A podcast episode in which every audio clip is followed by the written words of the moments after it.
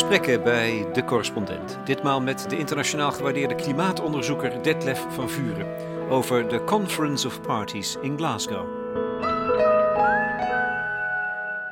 In het verdrag van Parijs hebben we als wereld afgesproken om de uh, temperatuurstijging te beperken tot ruim onder de 2 graden. En als het even kan, tot maximaal anderhalve graden. En op zich is het Parijsakkoord best een gek akkoord. Want we hebben dit afgesproken als wereld. En vervolgens moet het eigenlijk op landenniveau worden geïmplementeerd. En daarvoor is afgesproken dat landen vrijwillig bijdragers gaan formuleren. Maar ja, nu is dus natuurlijk wel de vraag: hoe zorg je ervoor dat al die bijdragers bij elkaar ook werkelijk dat mondiale doel halen? Hoe staan we ervoor? Weet je dat? Ja, en dat uh, proberen we een beetje te, te, monitoren. En dat is best ingewikkeld, hè, want het gaat om iets in de toekomst. En nou ja, we doen het nog niet heel erg goed. Eigenlijk moeten de emissies uh, rond 2050 op nul uit gaan komen. En wil je dat halen, dan zou je in 2030 voor anderhalve graad eigenlijk al de helft van de emissies eraf willen hebben. De emissies is de uitstoot van, van CO2? Ja, de uitstoot van broeikasgas inderdaad. En je zou in 2030 eigenlijk al, al de helft eraf willen hebben voor, voor anderhalve graad. Uh, voor ruim onder de twee graden een derde eraf in werkelijkheid, als je al die beloften van landen bij elkaar optelt, dan kom je daar nog lang niet. Dus dan heb je misschien een stabilisatie van de wereldemissies. En dan is er uh, nog een stap. Ja, al die beloften moeten nog in wetgeving vertaald worden. En daar kijken we ook naar. En dan haal je nog maar de helft ongeveer van wat er, met die, wat er beloofd is.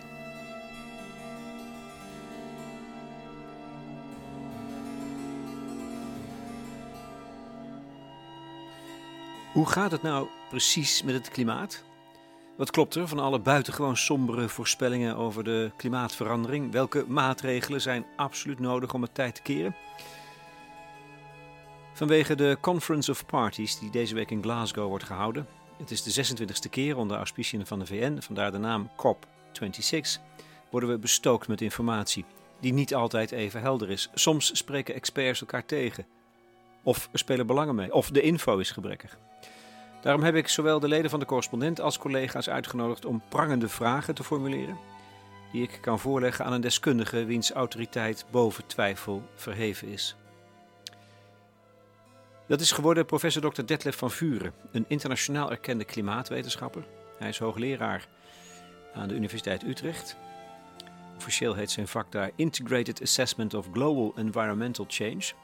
Hij is tevens onderzoeker bij het Planbureau voor de Leefomgeving waar hij zich bekommert om de sector klimaat, lucht en energie. En hij was de laatste twee keer lead author bij de grote rapporten van het IPCC. De ideale persoon wat mij betreft om de context te schetsen voor COP26. Dit is de crux van het hele verhaal, of in ieder geval belangrijk om te beseffen: CO2 blijft, net als andere broeikasgassen, lang in de atmosfeer. Misschien wel eeuwen. Dus er zit nu al veel te veel in en er komt steeds meer bij. Alles wat we er nu aan toevoegen versnelt de stijging van de temperatuur. Daarom moet de emissie van broeikasgassen terug naar nul. We hebben het steeds over die nul gaat. Dat komt hierdoor.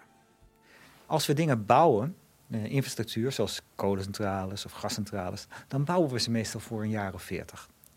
En dat betekent dus ruim onder de 2 graden, betekent wereldwijd van ongeveer vanaf nu niks meer neer gaan zetten wat nog CO2 uitstoot. Dan kan je eraan voldoen. Uh, voor ruim onder de, voor die anderhalve graad, hè, dat is het zelfs nog veel krapper. Want dat betekent eigenlijk al dat je een deel van de bestaande infrastructuur vervroegd zal moeten afschrijven. En dat kan je ook op een andere manier zien. Daar heeft iemand een keer wel uitgerekend. Wat zijn de emissies van alle infrastructuur die we nu al hebben, als die blijft staan? En dat is 650 gigaton CO2. En dat betekent nogmaals dat voor ruim, als je, als je die anderhalve graad wil gaan halen, dat je niet alleen vanaf nu overal alles CO2-vrij zou moeten gaan bouwen, maar bovendien dat je ook al nog een deel van de bestaande infrastructuur vervroegd zou moeten afschrijven en vervangen door hernieuwbare energie. Men zegt, men vraagt, we gaan, die, we gaan de 2 graden niet halen. Ja, dat is nog heel onduidelijk. Um, dus uh, het negatieve kant is wat ik net vertelde. We, hebben nog, we doen nog lang niet genoeg om die uh, twee graden werkelijk te gaan halen. Tegelijkertijd is het verdrag ook nog maar vanuit 2015. En uh, je ziet wel dat er langzamerhand radertjes in werking gezet zijn die tot verandering leiden. Als je alleen maar kijkt naar de hoeveelheid nieuws hè, dit jaar rond klimaat, dan zie je dus dat er een, iets aan het veranderen is. En ehm, er zijn ook wel een paar andere dingen veranderd aan, qua technologie. als je zegt dat je tien jaar teruggaat, dan zaten we nog te denken: hoe krijgen we dat transport ooit op uh, nul emissie?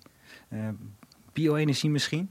Ja, nu ligt het best voor de hand dat er elektrisch rijden een belangrijke rol zal gaan spelen.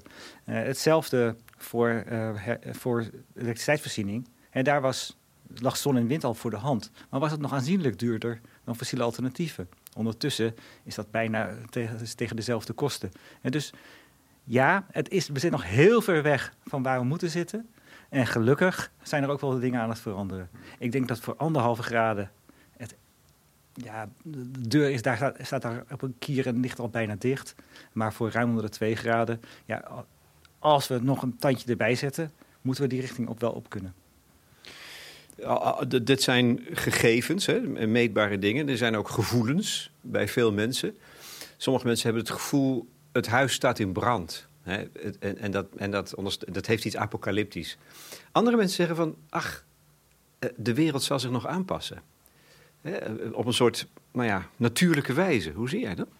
Ja, de, wereld, wereld, de natuur gaat zich sowieso aanpassen aan uh, temperatuurstijging. En wij als mensen zullen het ook moeten doen. En voor ons, wij als mensen is het misschien nog een stuk lastiger dan voor een deel van de natuur. We hebben nu eenmaal infrastructuur gebouwd op, op een, tegen een bepaald klimaat. We hebben steden bij de zee gebouwd. We hebben steden gebouwd op plekken die op zich aantrekkelijk waren. We hebben landbouwbedrijven op, op, plekken die daarvoor geschikt zijn. Ja, als we straks met 1 of 2 of 3 graden temperatuurstijging zitten en de bijhorende eh, stijging van de zeespiegel, ja, dan staat een groot deel van die infrastructuur gewoon simpelweg op de verkeerde plek. En daar zullen wij als mensen daar behoorlijk uh, last van hebben. We zullen ons aanpassen, maar je kan je alleen aanpassen als dat nog binnen de grenzen van de mogelijkheden ligt. En daardoor is het gewoon echt heel belangrijk om en de eh, klimaatverandering te beperken, zodat we ons nog kunnen aanpassen en ons tegelijkertijd aan, te gaan passen. En het is zeker ook wel zo dat, dat we ondertussen in een situatie zitten waarin je zou kunnen zeggen: het huis staat in brand. Als je in 1988 of in 1990, toen de eerste pogingen werden gedaan om een klimaatakkoord te bereiken, als je toen een akkoord had bereikt, en dan had je met een hele keurige, rustige pas, uh, pad uh, je uh, beleid kunnen invoeren. Nu zitten we, zitten we in een situatie hè, waarin je voor anderhalve graad misschien nog twintig jaar hebt om naar nul te gaan. Voor ruim onder de twee graden misschien nog weer een twintig jaar langer. Maar je zit echt op een situatie waarin je dus heel snel de bocht in moet. En ik zei net al, ja, technisch is dat best voorstelbaar. Maar politiek is dat nog een enorme uitdaging en, om al die landen zover te krijgen. En, en de natuur? Je zegt die natuur gaat zich sowieso aanpassen. Wat, wat zal er gebeuren, denk je? Nou, wat je uh, zal zien, hè, en dat zien we nu al, hè, dat uh, een uh, natuur zich gaat bewegen in de richting van dat, met het klimaat. Hè. Dus dat natuur die natuurlijk oorspronkelijk voorkwam in Frankrijk, dat die zal uh, gaan proberen om uh, meer ook in Nederland voor te gaan komen. Um, dat gaat niet zomaar. En dat gaat dus zeker gepaard met uh, soortenverlies, zeker op de korte termijn. En dat is vooral ook omdat die klimaatverandering in een tempo is die we niet eerder kennen. normaal gesproken heeft het klimaat ook wel geschommeld in, in, historische tijden, maar nooit in dat tempo waar we, wat we nu gaan zien. Dus het zal zeker ook met verlies van natuur plaatsvinden. Um, maar uiteindelijk zal de natuur zich ook weer wel aan, aan aanpassen. Dus een nieuw, dan krijg je een nieuw evenwicht. Ja, maar dat heb je natuurlijk wel een hele, hele lange termijn. En met ook verlies van dingen die we echt mooi vinden. koraalriffen bijvoorbeeld. En daarvan weten we dat uh, zelfs bij 2 graden het voorbestaan van koraalriffen wereldwijd uh, bedreigd is, uh, wordt. Uh, we weten dat bij tropisch regenwoud dat dat best spannend is. er zijn berekeningen rond de Amazone die aangeven dat neerslagspatronen een rol kunnen spelen. we hebben in India het, vrij subtiele situatie met de monsoon en hoe dat zich gaat ontwikkelen. En dus mijn algemene stelling van de natuur zal zich wel aanpassen. Ja, maar dat, dat is een hele lange termijn verhaal. Uh, met uh, tegelijkertijd dus enorme verliezen die, die gewoon ja, uitermate zonde zijn. Want dat is het dan.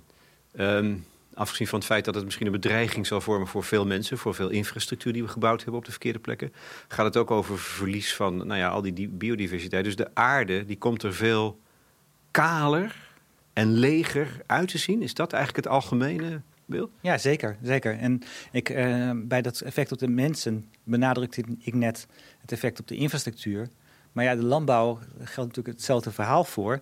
En het vervelende is dat uh, uit die uh, berekeningen van IPCC, en dat rond landbouw, dat je vooral de druk ziet in tropische gebieden. dus je kan best voorstellen dat in, in, gebieden als Rusland of Canada... dat die ja, zelfs beter geschikt gaan worden voor landbouw.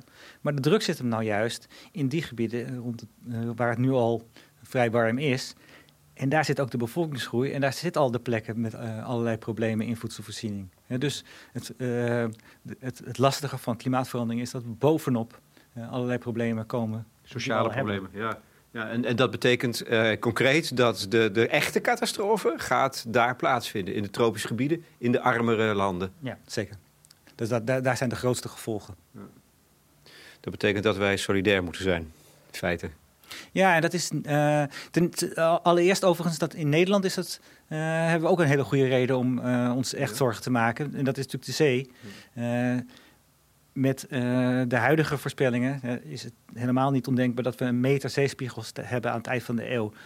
Nou ja, daar kunnen we mogelijk nog wel tegen opbouwen. Maar daar komt, je hebt dan ook wel een proces in gang gezet waar nog meters bij gaan komen.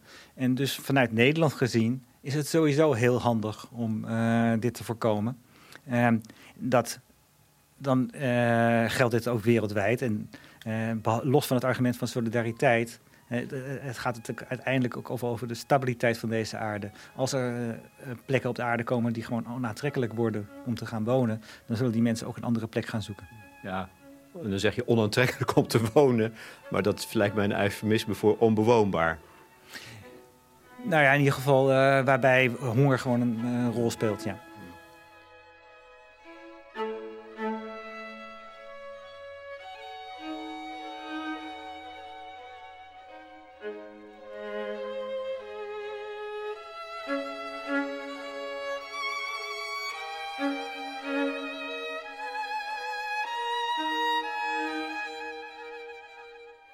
Als je dit nou weet, als je dit plaatje hebt geschetst, wat zou er dan concreet tijdens die Conference of Parties, de 26e conferentie van de Verenigde Naties, nu nog na Parijs geregeld moeten worden? Ja, voor anderhalve graden, maar ook wel voor ruim onder 2 graden, staat dus echt het water ons aan de lippen. Uh, voor anderhalve graden zou je eigenlijk nog maar 400 gigaton CO2 mogen uitstoten uh, in, de, in de lucht, uh, wil je dat kunnen halen. Wereldwijd? Wereldwijd. En hoeveel doen we? Ja, we, elk jaar stoten we nu 40 gigaton CO2 uit. Dus dat betekent dat met de huidige emissies je in 10 jaar uh, aan dat niveau zit. Um, dat betekent dat als je vanaf nu rechtstreeks naar nul gaat, hè, dat je ongeveer in 20 jaar op nul moet gaan uitkomen. Maar al die jaren dat je nog rond die 40 gigaton blijft, dan ga je met hele happen, grote happen door dat budget heen. Uh, voor ruim onder de 2 graden is dat budget ongeveer 1000 gigaton CO2. Nou, zeker voor de anderhalve graad, maar ook voor de ruim onder de 2 graden, moeten dus die emissies zo snel mogelijk naar beneden. Uh, van die enorme uh, eh, 40 gigaton CO2 die we nu per jaar uitstoten, naar een niveau waardoor we in ieder geval het verhaal weer een beetje onder controle krijgen. Hmm.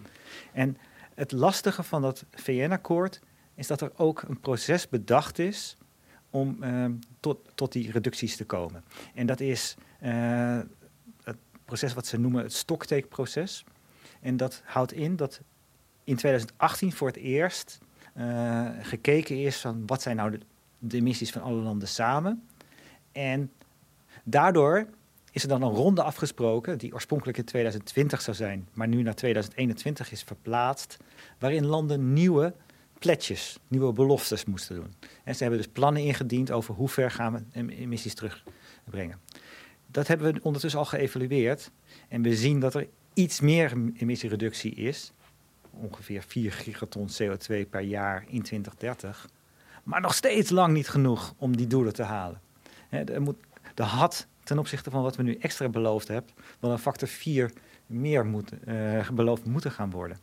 En wat is nou cruciaal in, uh, in, in Glasgow? dat al die regeringsleiders dit bij elkaar beseffen. En, want de volgende ronde van pledges was eigenlijk afgesproken nu voor tweede, uh, 2025. Ja, dat zou veel te laat zijn, want dat betekent weer vier jaar lang 40 gigaton CO2 per jaar. Dat betekent dus 160 gigaton. Dat is alweer de helft van dat uh, anderhalve graden budget. Dus wat er ook uit moet komen in Glasgow, eigenlijk vooral ook een afspraak. Kunnen we nog ergens een keertje een ronde doen waarin we echt uh, uh, vergaande emissiereducties beloven?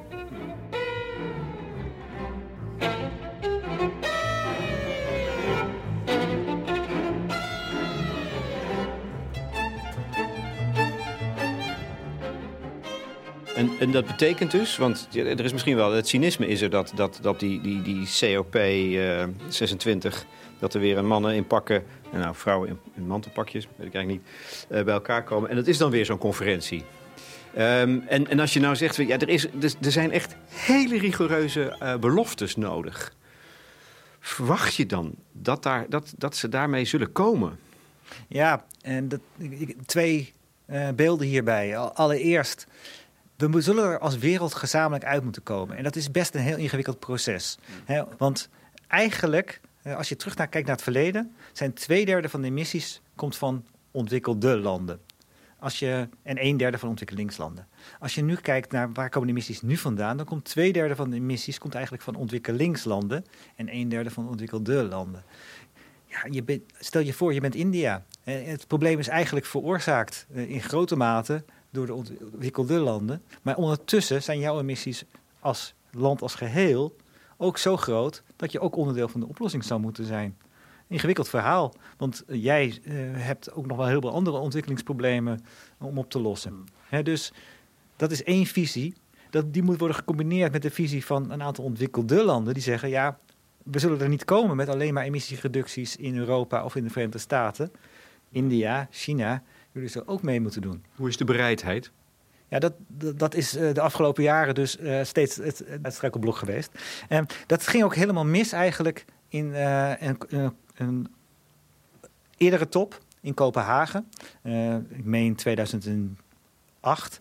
Want toen wilde men bindende afspraken maken. En het grote nadeel daarvan is dat je vervolgens niet meer met z'n allen bezig bent het klimaatprobleem op te lossen, maar voor allemaal lijnrecht tegenover elkaar staat en dat je eh, met elkaar eigenlijk uh, je, elkaar als vijand ziet in deze onderhandelingen. Dan wordt het een politieke strijd. Ja. Het, het, het aardige van Parijs is dat dat doorbroken is, maar wel met een enorme concessie. En de, dus hoe het doorbroken is, is dat men dus een mondiaal doel heeft afgesproken en vervolgens gezegd: je mag vrijwillig deze uh, bijdrage zelf gaan formuleren. Maar ja, het gevolg is dat je elkaar dus niet meer keihard kan aanspreken op wat je vervolgens doet. En dat je dus met elkaar moet laten zien van oké, ik doe dit. Ben jij dan bereid ook iets te gaan doen? Nou, dat, daar zijn deze kops dus voor nodig. Die kops die zijn er gewoon om steeds verder uh, met elkaar overtuigd te raken. Oké, jij doet ook wat, dan doe ik ook iets. Mag je, mag je het dus oefeningen in solidariteit noemen? Ja, je kan het, kan het denk ik allereerst oefeningen in solidariteit noemen. Er zit ook nog vervolgens een enorme technische molen achter. Hè, want men wil ook wel op, een redelijke manier kunnen controleren of landen werkelijk iets doen. Dus er worden hele uh, gedetailleerde afspraken gemaakt over hoe je bijvoorbeeld om moet gaan met uh, emissies uit landgebruik. En, en dus dat, die molen zit er ook bij. Nou, dat is één visie. Hè? Dat dit, dit, dit, dit proces is simpelweg nodig, omdat we er gezamenlijk uit moeten komen en dat we dus een soort consensus moeten bereiken. Tegelijkertijd is het wel zo hè, dat je een bepaald moment wel in een bepaalde groef bent gekomen. En dat is niet de meest snelle groef. Dus uh, ja, het kan geen kwaad om daar af en toe ook iets tegenover te zetten. En dus tops waar je misschien voornamelijk met regeringsleiders zit en uh, probeert is eh, te kijken of je op een hele andere manier misschien een sneller proces kan hebben. Om, om, om, dat, om die andere kopjes een flinke schop te geven. Ja, dat kan ook geen kwaad.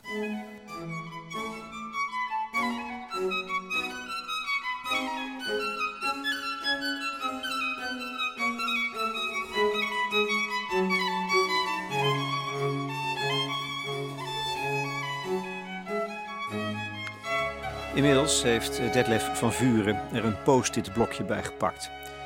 Hij tekent drie grafiekjes, even snel geschetst, om zijn betoog te verduidelijken. Met al die getallen en lijnen en eh, wat er precies in 2030 of 2050 zou moeten gebeuren voor anderhalve graden of twee graden, of binnen twee graden blijven. Doet hij ook in de Tweede Kamer als het nodig is. Over de eerste twee grafieken hebben we het in feite al gehad. Ja, de derde grafiek die je kan maken is wat gebeurt er als we uh, geen actie hebben, hè, dus uh, het huidige, huidige beleidspad. En waar zou je moeten uitkomen voor anderhalve graad en twee graden. Uh, sorry, anderhalve graad en ruim onder de twee graden. En dat zijn dus die paden, die paden die uit deze grafiek komen, maar dan ingezoomd tot 2030.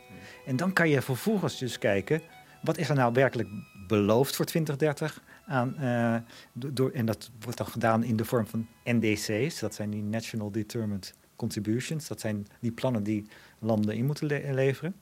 En je kan kijken, wat is er nou werkelijk al in beleid geformuleerd uh, door wetgeving die aangenomen is door het parlement. Dat noemen we de current policies. En deze twee lijntjes, ja, die twee lijntjes zijn dus ruim onvoldoende om aan die twee graden en die anderhalve graad te voldoen. En dat is dus het spannende. Kunnen we deze lijntjes nou op een of andere manier zo ver krijgen dat ze wel op dit niveau gaan komen? Maar dat, maar dat betekent wel, het wordt dus in de gaten, dat is ook een van de vragen. Hè? Um, uh, wordt het in de gaten gehouden? Wordt het gemeten wereldwijd? Ja, er zijn dus een paar dingen die uh, plekken waar er gemeten wordt. Hè? Uh, je kan dus die emissies worden bijgehouden. er zijn een aantal instituten die schattingen maken van wat zijn de historische emissies. En daarnaast zijn er dus een aantal clubs die proberen projecties te maken, ver, verwachtingen over wat er zou gebeuren bij het huidige beleid, wat er, eh, zou, wat er nodig is voor 2 graden en anderhalve graad en wat die huidige beloften op uh, zouden leveren. PBL, uh, het Planbureau voor de Leefomgeving waar ik werk, is een van die instituten die wereldwijd die daar actief mee bezig is. Er zijn, dat zei je al, het klimaat schommelt. Um, in het verleden is dat vaker gebeurd.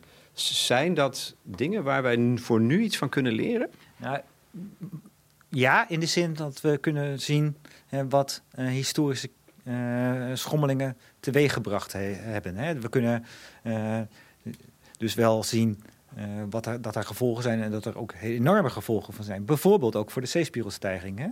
Maar um, in mindere mate voor de oorzaak omdat die oorzaak nu gewoon echt anders is. We weten nu dat de oorzaak simpelweg is de fossiele brandstoffen. En dat, ja, die modellen zijn niet zo heel moeilijk. Je kan vrij makkelijk uitrekenen wat de emissies zijn op het moment dat je fossiele brandstoffen gebruikt. Uh, vervolgens kan je die koolstofkringloop volgen. Die koolstofkringloop kennen we ook redelijk goed. We kunnen uh, de balans opmaken. En hier en daar zit er nog wel ergens een onzekerheid. Maar het grote beeld is gewoon helder.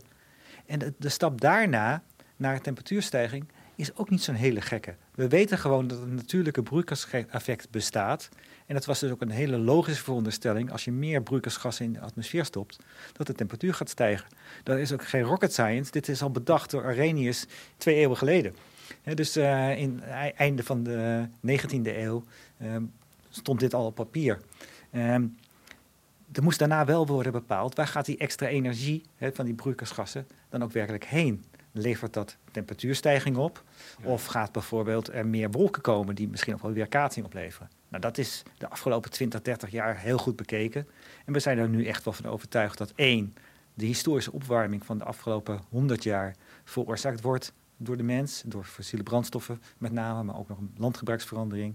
En we zijn er ook uh, eigenlijk van overtuigd dat als je nog meer CO2 in de lucht stopt, dat de temperatuur gaat toenemen.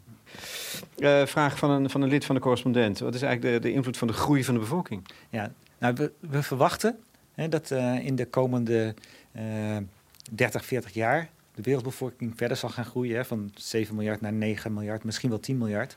En ehm, ja, dat heeft dus een bijdrage aan verdere emissiestijging.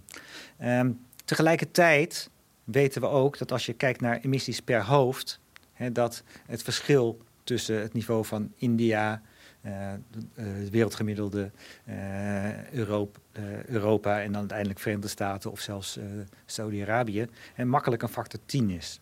Dus uiteindelijk is eigenlijk onze levensstijl, de manier waarop we met onze energie opwekken, energie die we gebruiken, nog belangrijker dan uh, de bevolkingsgroei zelf. Maar goed, de bevolkingsgroei heeft een bijdrage en het, het, het, helpt enorm als we die bevolkingsgroei enigszins in de beperking kunnen houden. Niet alleen voor klimaat, maar ook voor allerlei andere duurzaamheidsproblemen. Heel veel vragen gaat het natuurlijk over wat moet er gebeuren? Wat, wat zouden ze kunnen afspreken om, die, om die, die twee lijntjes van jouw drie op deze uh, post-its gekrabbelde grafieken uh, haalbaar te maken in maatregelen voor 2030? Um, wat zou er in Glasgow specifiek afgesproken moeten worden over de olie- en gasmarkt? Dat is de belangrijkste bron, hè, denk ik. Fossiele brandstoffen. Ja, nou, um, in, de, in, wezen gaat dat, in, gaat dat indirect. Hè? Je onderhandelt in uh, Glasgow over emissies. Maar ja, daarmee zit eigenlijk aan de andere kant van diezelfde munt... zit gewoon uh, de, fossiele, uh, de consequenties voor fossiele brandstoffen. En als je dus afspreekt dat je in 2040 of in 2050 naar nul zou gaan... Hè, dan heb je daarmee automatisch iets gezegd over fossiele brandstofgebruik. Want, want dat is de boosdoener. Ja, dus ongeveer... 60% of zo van de wereldemissies uh, zal uit de fossiele brandstoffen komen, uh, CO2. daarnaast is er dus een, een, flinke bron van CO2 uit de landgebruiksverandering, ontbossing. En dan blijft er nog iets minder dan een derde over, wat veroorzaakt wordt door niet-CO2-emissies, methaan en 2O. Daarvan is ook weer een flink deel aan fossiele brandstoffen gekoppeld. Lekkage van aardgas bijvoorbeeld. Uh, en, maar het grootste deel daarvan is gekoppeld aan de landbouw. Dus 60 procent. De grootste winst valt te boeken. Uh, en wat zou, moet het helemaal stoppen? Nou, op, op termijn uh, wil je, je wil sowieso naar nul emissie. want dat grafiekje wat ik eerder liet zien, hè, dat liet laat zien hè, dat de emissies, de temperatuurstijging is direct gekoppeld aan de totale cumulatieve uitstoot van CO2. En als je dus temperatuurstijging wil stoppen, dan, dan zal je ook met CO2-emissies naar nul moeten gaan. Want elk, alles wat je aan CO2 toevoegt in de atmosfeer blijft gewoon heel lang uh, in de atmosfeer zitten. Um, dat betekent dat voor, voor, uh, fossiele brandstoffen dat je of naar nul gaat, of probeert uh, dingen te combineren met CO2-afvang en onder de grond stoppen. of dat je ergens gaat compenseren. En je zou dus misschien dat er bepaalde toepassingen zijn waarbij je zegt, nou ja, daar kan, is het misschien logisch dat er fossiele brandstoffen blijft gebruiken.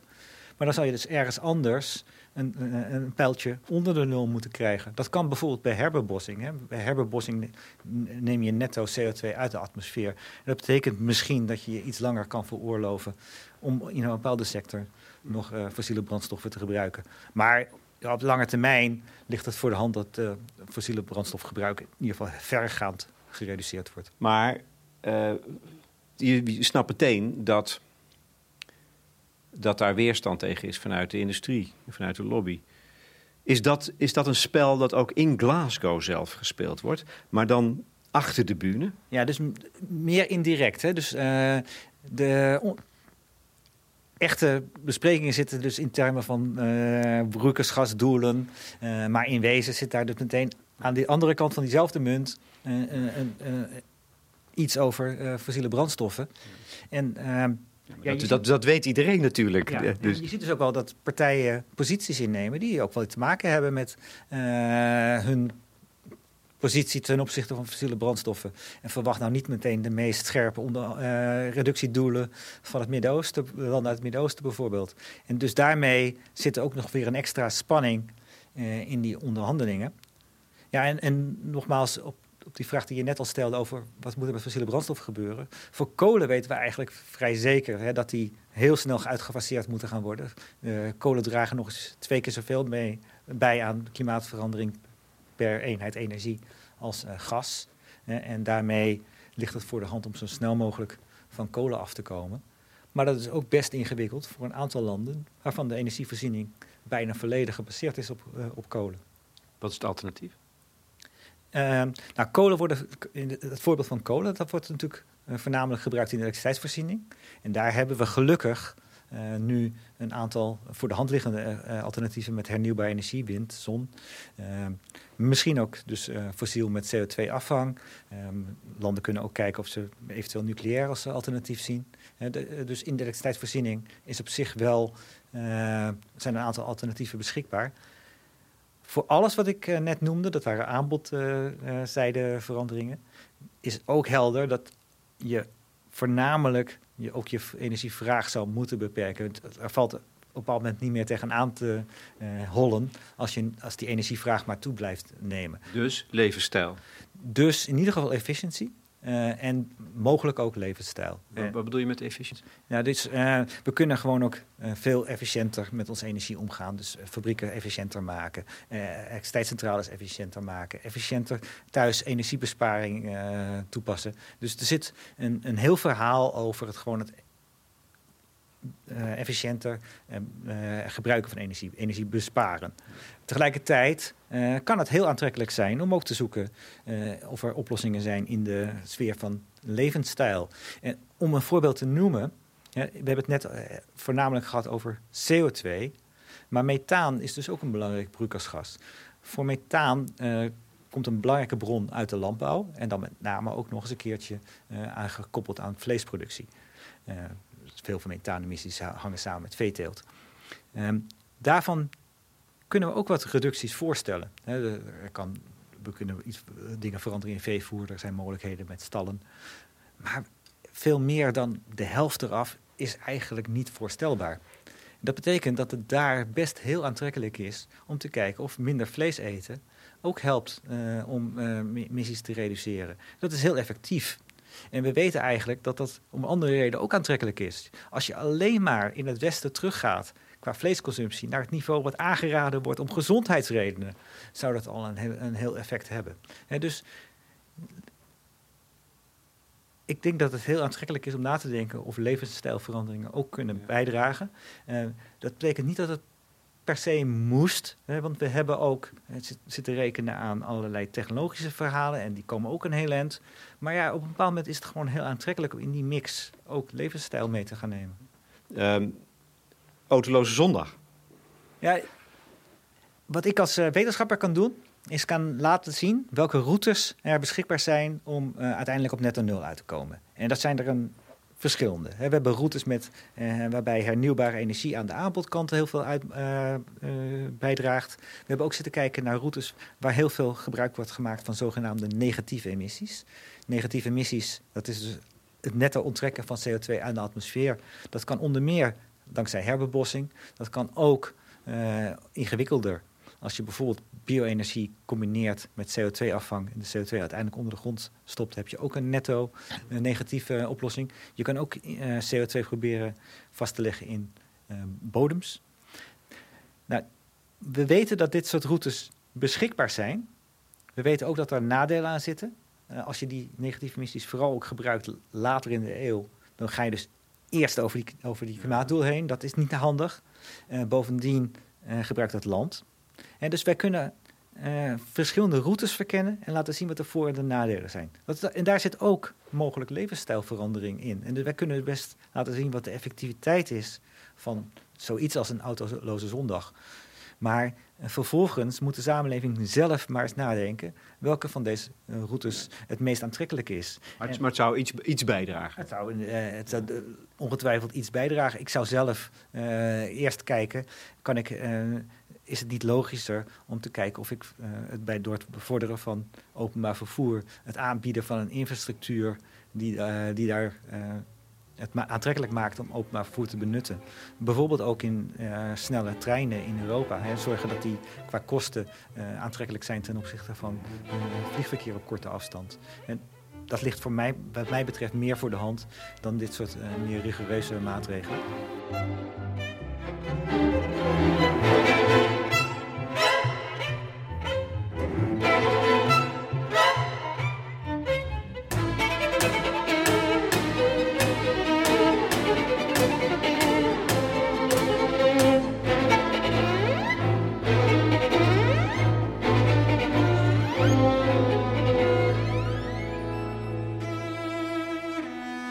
Dit gaat natuurlijk over um, Nou ja, de, de, mogelijkheden binnen het systeem. Je kunt je afvragen of, eh, en dat, daar krijg ik ook vragen van binnen, of het ehm, wel past binnen het democratische systeem dat we hebben, binnen het kapitalistische systeem. Uh, en moet je niet dus nog veel verder binnen. Uh, kan de strijd tegen klimaatverandering binnen ons eco economische systeem gewonnen worden? Ja, en nu vraag je me langzamerhand iets waar ik uh, als klimaatonderzoeker gewoon geen antwoord meer op heb. Ehm, ik kan, nogmaals, ik kan dus wel laten zien welke paden wel voldoen. Ik kan, ik, ik kan me wel als Detlef van Vuren gewoon als mens uh, ook nog een antwoord geven. Ja, wat mij betreft zijn een aantal van dit soort basisvoorwaarden... als bijvoorbeeld een democratisch systeem eigenlijk me net zo... vind ik net zo belangrijk of, uh, of, of, of misschien niet net zo belangrijk... maar wel ook heel belangrijk. En ik, ik zelf zou niet een, een democratisch systeem willen opgeven. En het kapitalistische systeem? Ja, ook, ook daarvan denk ik uh, persoonlijk dat uh, we met een marktsysteem, maar dan een, een, marktsysteem waarbij ook een heel duidelijk een overheid uh, richting geeft uh, welke kant die markt op moet, uh, dat we daar ook prima oplossingsrichtingen moeten kunnen identificeren. Dat andere mensen daar een andere mening over hebben, dat vind ik ook prima. dit die komt nu echt in, in de sfeer van politiek terecht. Maar ik denk persoonlijk ik heb de hoop dat we uh, deze paden best ook kunnen vinden in een uh, democratisch systeem. En ook in een systeem wat uh, zowel een rol voor de markt als voor de overheid heeft. Maar ja, de overheid zal toch in eerste instantie wel de grenzen moeten aangeven waarbinnen de markt kan opereren. Vraag is ook, wat is de rol van Nederland? Heeft het, heeft het zin dat Nederland iets probeert? En, en, en wat kan de rol van Nederland zijn tijdens de, de conference? Nou, uh, Parijs vraagt van iedereen om zijn verantwoordelijkheid te nemen. En dat betekent uh, ook voor Nederland. En Nederland zit in emissies per hoofd ver boven het wereldgemiddelde. Ruim, ruim een factor 2. We zitten ook boven het Europees gemiddelde. dus Nederland zal gewoon zijn verantwoordelijkheid moeten nemen.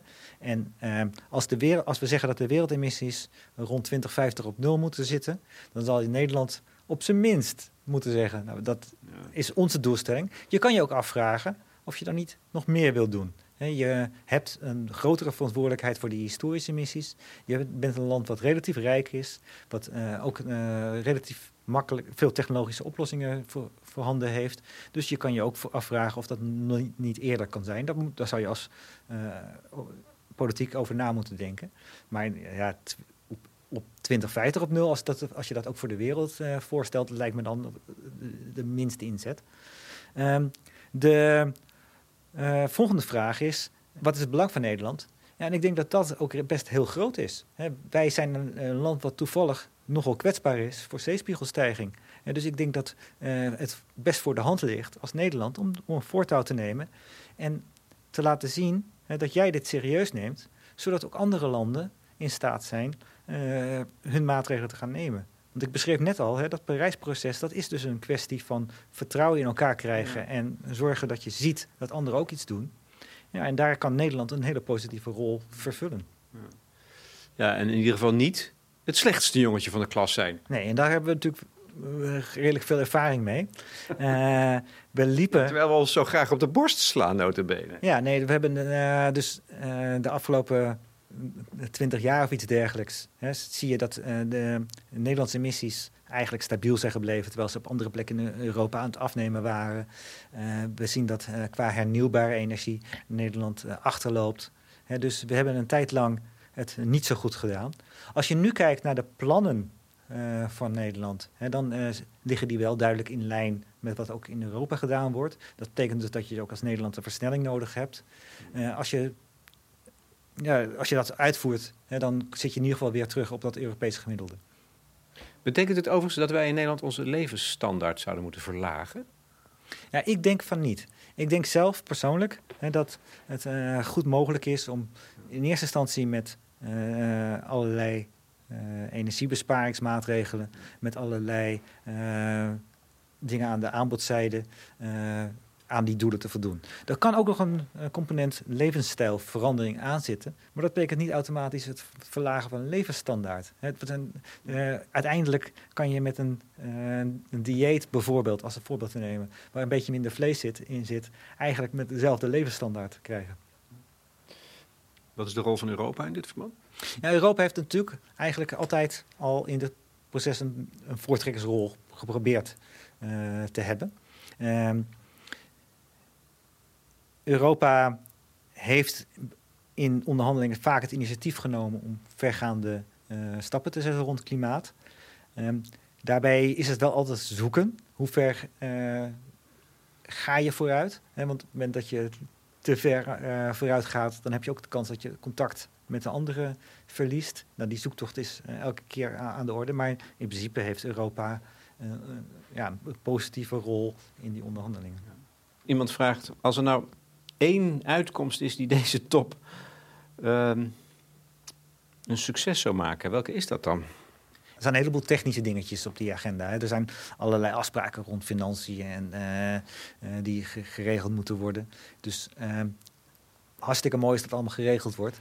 Ja, wat mij betreft uh, gaat het voornamelijk ook om die urgentie en het feit dat eigenlijk die ronde van het indienen van nieuwe NDC's dit jaar gewoon onvoldoende heeft opgeleverd. En wat mij betreft moet er dus eigenlijk uit die kop komen of uh, een nieuwe set van beloften.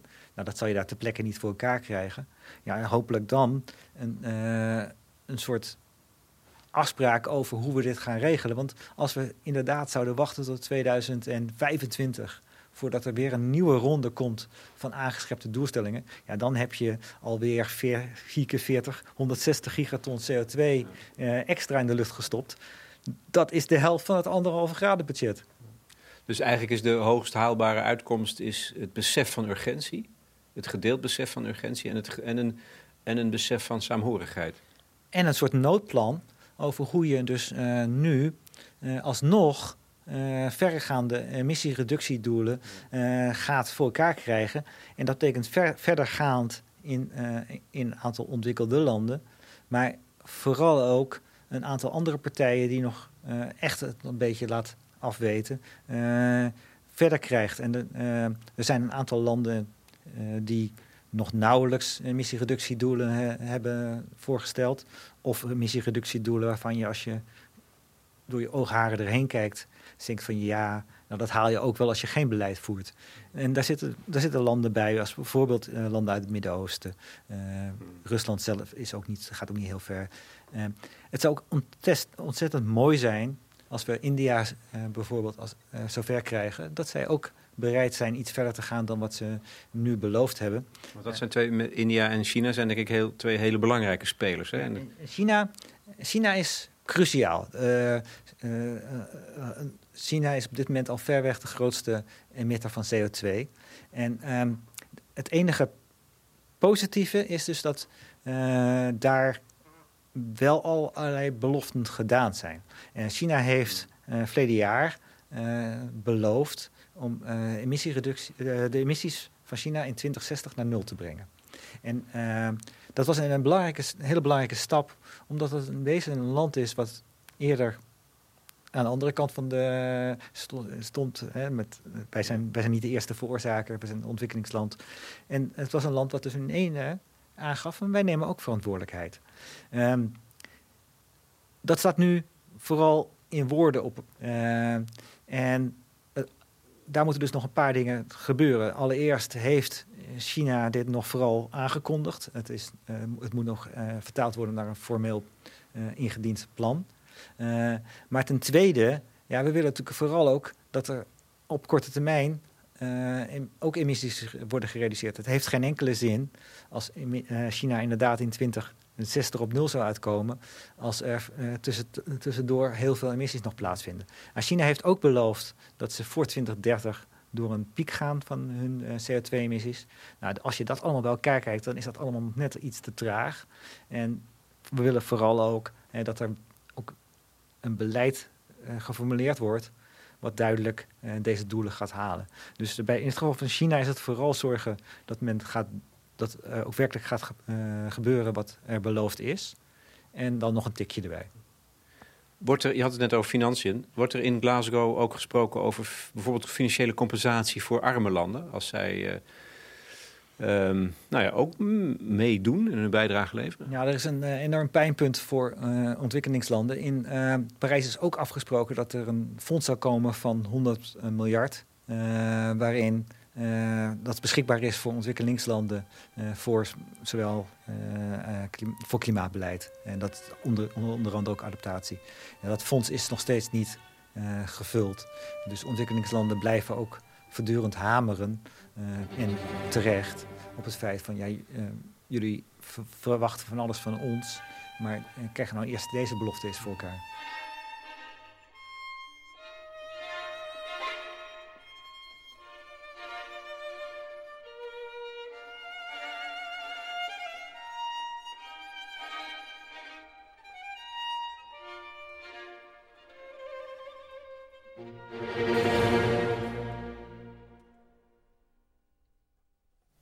Verwacht je dat er dingen zijn die echt stof zullen doen opwaaien?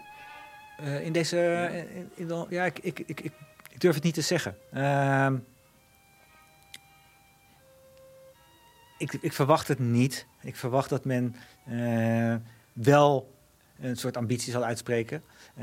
dat men ook wel aan zal geven dat het nog onvoldoende is en dat er dus een versnelling plaats moet vinden. ook al gisteren bij de start van, het, uh, van de conferentie hebben een aantal regeringsleiders, uh, Boris Johnson met name, zich in deze sfeer uitgesproken. Dus je mag hopen dat er in ieder geval een, eh, een politiek statement in die richting op zal komen. Um, ja, het lijkt ik, ik, verwacht niet dat er, dat, dat onmiddellijk in deze twee weken een enorme doorbraak zal plaatsvinden, maar ik kan me daarin vergissen. En, uh, dus. ja. Dat zullen we dus afwachten. Want het kan ook nog zo zijn dat er iets, even kijken, dat er iets achter de schermen kan gebeuren.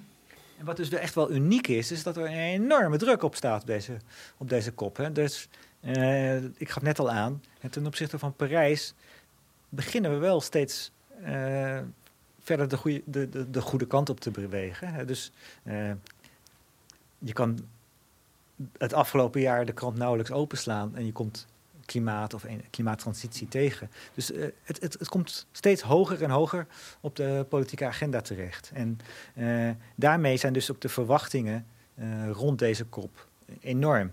en in die zin, ja, staat er, staat er gewoon druk op. En kan je ook heel goed voorstellen dat men zich wel gedwongen voelt om iets van een oplossing te formuleren. Wat ik wel aardig vond is dat mensen ook jouw rol als wetenschapper bevragen. En hoe, hoe motiveer je mensen, zowel de armere mensen als de rijke mensen?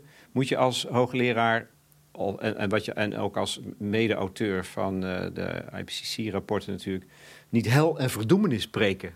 Ja, dat is uh, een uh, hele goede vraag. Misschien, er is een Steve Snyder, is een hele beroemde Amerikaanse wetenschapper. En die is een van de allereerste geweest die uh, klimaatverandering op de agenda heeft gezet. En uh, in Amerika heeft hij zich heel, ook heel erg uitgesproken om uh, te zeggen: dit is echt een enorm groot probleem, we moeten mee aan de slag. Het gevolg is dat hij al, al jarenlang bedreigd werd. En hij heeft op een bepaald moment een boek geschreven: Climate Science as a Contact Sport. En daarin vraagt hij zich op een bepaald moment af: hè, van ik, ik geef als wetenschapper de situatie weer zoals die is. En die is heel ernstig, naar mijn ogen. En er moet ook van alles gebeuren. En ik verwacht niet anders dan als ik dit vertel, dat er ook iets gebeurt. Vervolgens zie ik gewoon veel te weinig gebeuren. En betekent het altijd dat ik misschien in de overdrijf moet? Moet ik dan het verhaal nog net één terntje sterker vertellen? En dan gaat hij vervolgens door en dan zegt hij: nee, dat kan niet. Want als ik dan betrapt word in wezen hè, op overdrijving, hè, dan is mijn geloofwaardigheid weg. En uh, nou goed, ik sta eigenlijk heel vergelijkbaar met die tekst in dit, in dit verhaal. Ik wil uh, zo genuanceerd mogelijk het, en met uh, het verhaal weergeven, terwijl ik er wel van overtuigd ben dat we in actie moeten komen. En ik denk dat als je naar die feiten kijkt, hè, dat je dat ook zal moeten doen.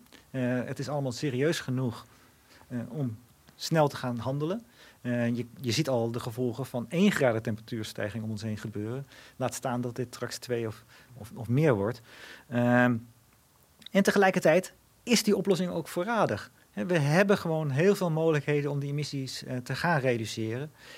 En soms ook met allerlei voordelen. Het, het, is helemaal niet slecht om meer hernieuwbaar in dat energiesysteem te hebben.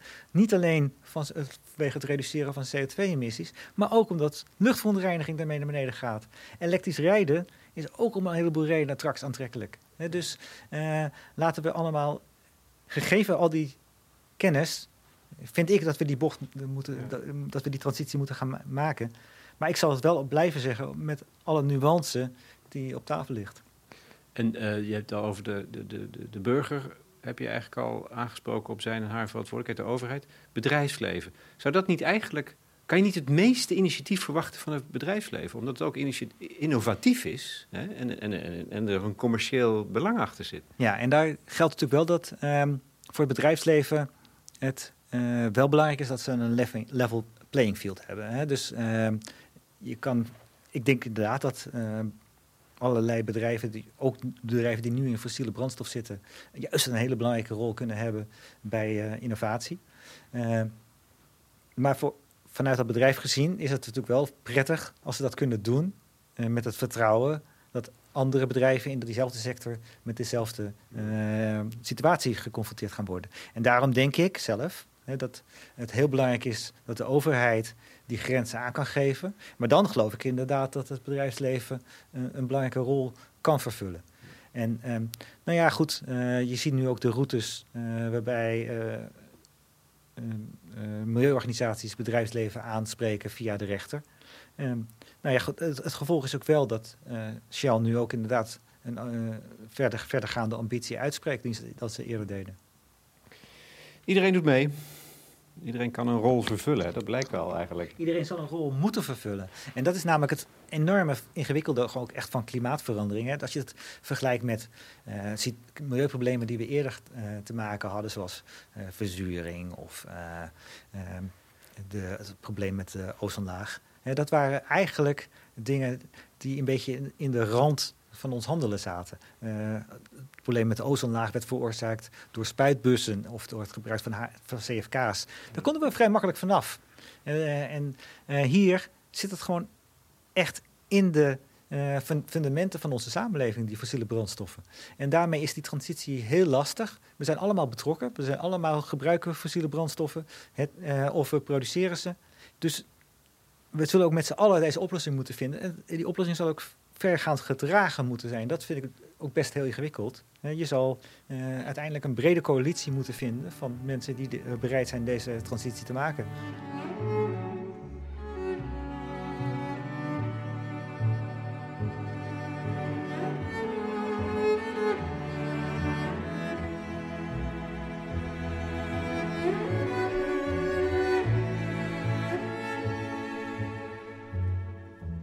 Hele concrete vragen gaan over uh, de, de, elektriciteit. Hoeveel elektriciteit gaan we halen uit biomassa? Ja, als je. Um, we hebben dus een aantal oplossingen in de elektriciteitssector. En daar zijn onder andere ook zon en wind uh, spelen daar een rol. Het lastige van zowel zon en wind is dat het um, met, maar met een bepaalde zekerheid beschikbaar is. Het kan, de wind kan niet waaien of de zon kan uh, niet schijnen. En daarmee moet je dus in dat elektriciteitssysteem ook dingen hebben die wel zekerheid bieden.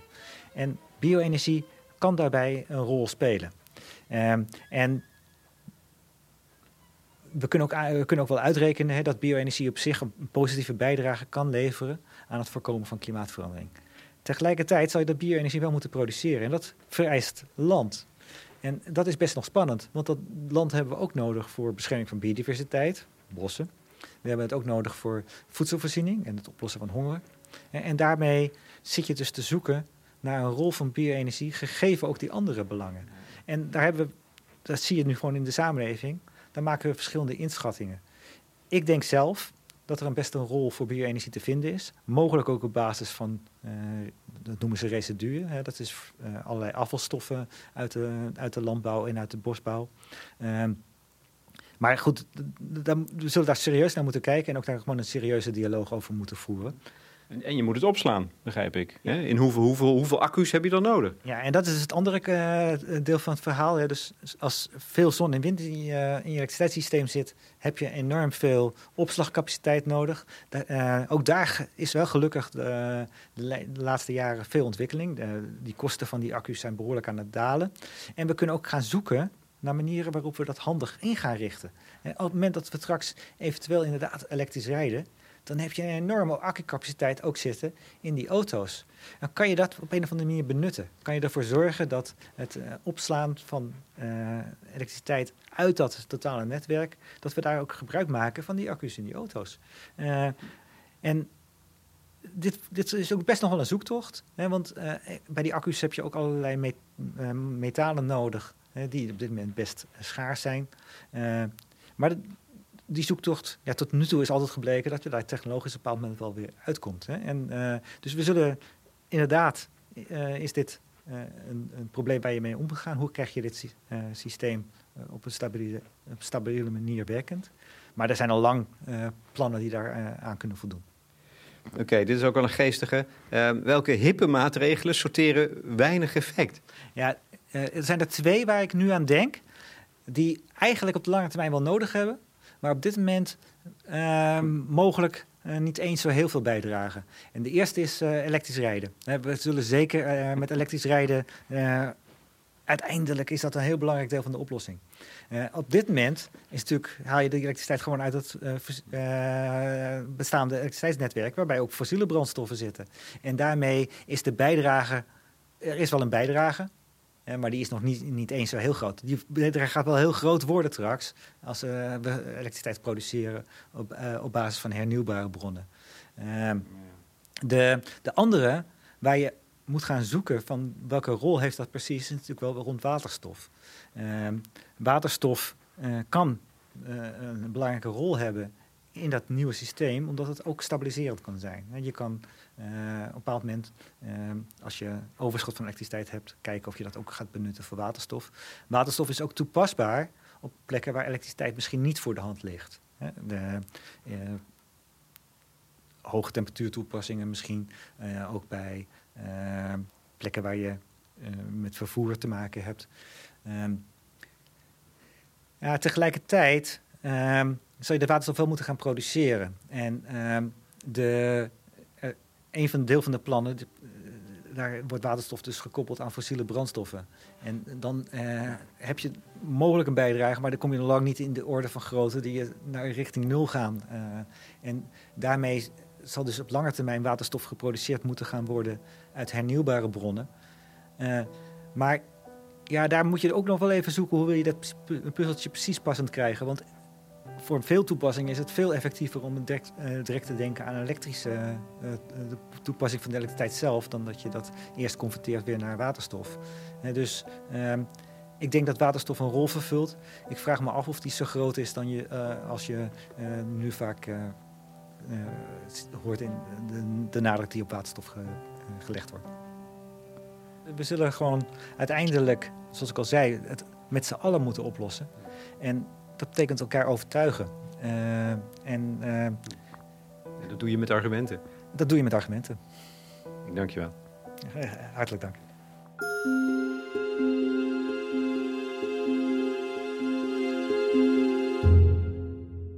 Detlef van Vuren, klimaatwetenschapper, in gesprek met Lex Bolmeijer voor de correspondent. Jullie kunnen reageren uiteraard en met elkaar in discussie gaan. Dat lijkt me buitengewoon zinvol. Het platform van de correspondent is daarvoor ingericht en is toegankelijk voor leden. Je bent al lid voor zeven tientjes per jaar. En daar krijg je dan een jaar lang kwaliteitsjournalistiek voor voorbij de waan van de dag. wat de muziek tenslotte betreft, ik gebruikte ja, de vier jaargetijden. Zowel in de beroemde versie van Vivaldi als die van Piazzolla. Want dan doet het zuidelijk halfrond tenminste ook mee.